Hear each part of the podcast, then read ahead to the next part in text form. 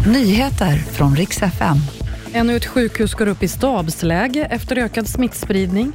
Och den som har apkoppor ska inte behöva bli stigmatiserad, så nu byter sjukdomen namn. Vi ska börja med att statsminister Ulf Kristersson höll sitt jultal idag och det var ett tal präglat av kriser på flera håll. Om gängskjutningar, kriget i Ukraina, skyhöga elpriser och stigande arbetslöshet. Han varnade för att året som kommer kan bli det ekonomiskt tuffaste sedan 90-talet och att det nu gäller att hela samhället tar ansvar. Danderyds sjukhus i Stockholm var det senaste i raden av sjukhus som nu går upp i stabsläge. Och då handlar det om antalet covid-patienter som fortsätter öka bland flera smittor. Så även influensa och nu kraftsamlas det inför julhelgen. I januari då väntas covid-spridningen nå sin topp. Sjukdomen apkoppor den ska byta namn. I England bytte man från monkeypox till mpox. Och tanken är att det här ska minska stigmat runt sjukdomen.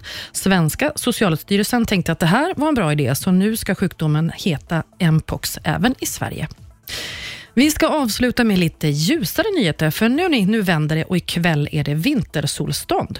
Så nu väntar äntligen ljusare dagar. Snabbast går det i norr, som kan få upp till en halvtimme mer sol om dagen.